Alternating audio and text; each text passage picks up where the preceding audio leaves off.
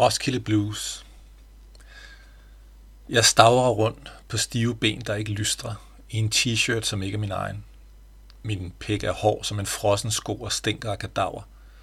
Jeg kan ikke huske, hvornår jeg sidst var i bad, havde sex eller spiste mad.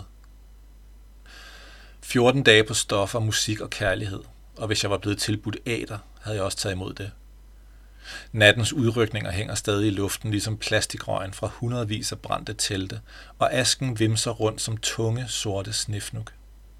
Mine bukser er skorpet af mudder, og mine armhuler klør som ind i helvede.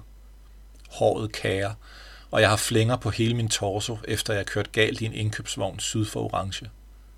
Hele min ene side er gul og blå og lilla, og jeg har vurderet, at det formentlig er efter styrtet, eller et udslag af, at min lever brokker sig over den flydende føde og har rottet sig sammen med min mave, der straffer mig med sure opstød.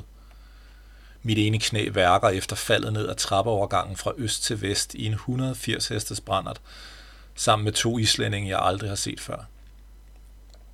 Jeg har vabler på vablerne under mine soaking wet Chuck Taylors, for jeg har danset i mudder, som om jeg var i trance, til musik, jeg ikke længere kan huske. Men det var sjovt, da det stod på, tror jeg nok. Jeg har snadet med en håndfuld piger, som jeg aldrig kommer til at se igen, og måske var en af dem en dreng. Mine øjne er rødsprængte og brænder.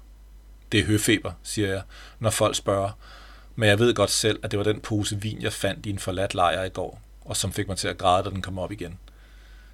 Mit ansigt er rødt af for meget sol, så jeg gemmer den under den sombrero, jeg vågnede op i. Min venstre skulder gør ondt, og jeg har aftrykket af et tandsæt siddende i min læderjakke, der for uden det ene ærme også mangler en masse nitter.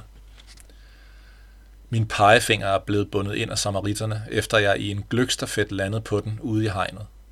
Min næse er fyldt med urinstøv, og af uvisse årsager har jeg falafel i ørerne. Jeg har et telefonnummer på en seddel i min ene lomme, men jeg aner ikke til hvem. Og selvom jeg stadig har sko på, undrer det mig, at jeg kun har iført en enkelt sok. Halvdelen af min oppakning er væk, men jeg har stadig min telefon, der er flad og har knust skærm og er fastgjort til min arm i et spektakel af plastikstrips og gaffatape. Jeg ved kun, at det er søndag, fordi pladsen lukker i dag, og euforien slutter her. Ellers har tid været et glemt koncept, og det er det, der gør det så fedt.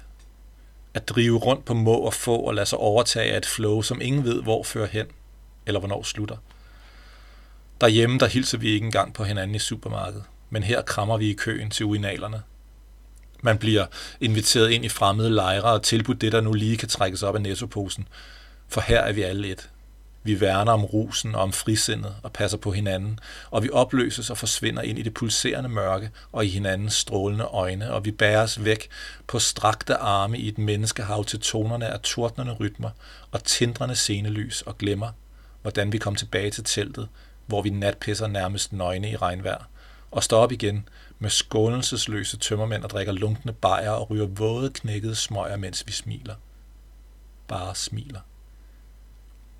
Selvom vi næsten ikke kan hænge sammen, kigger vi på hinanden og siger i kor, næste år gør vi det igen, mens vi drysser tilbage til samfundet og koncentrerer os om at skrue vores voksen fjes tilbage i vinkel og finde en farbar vej til at kunne overkomme 12 måneders deprimerende Roskilde Blues.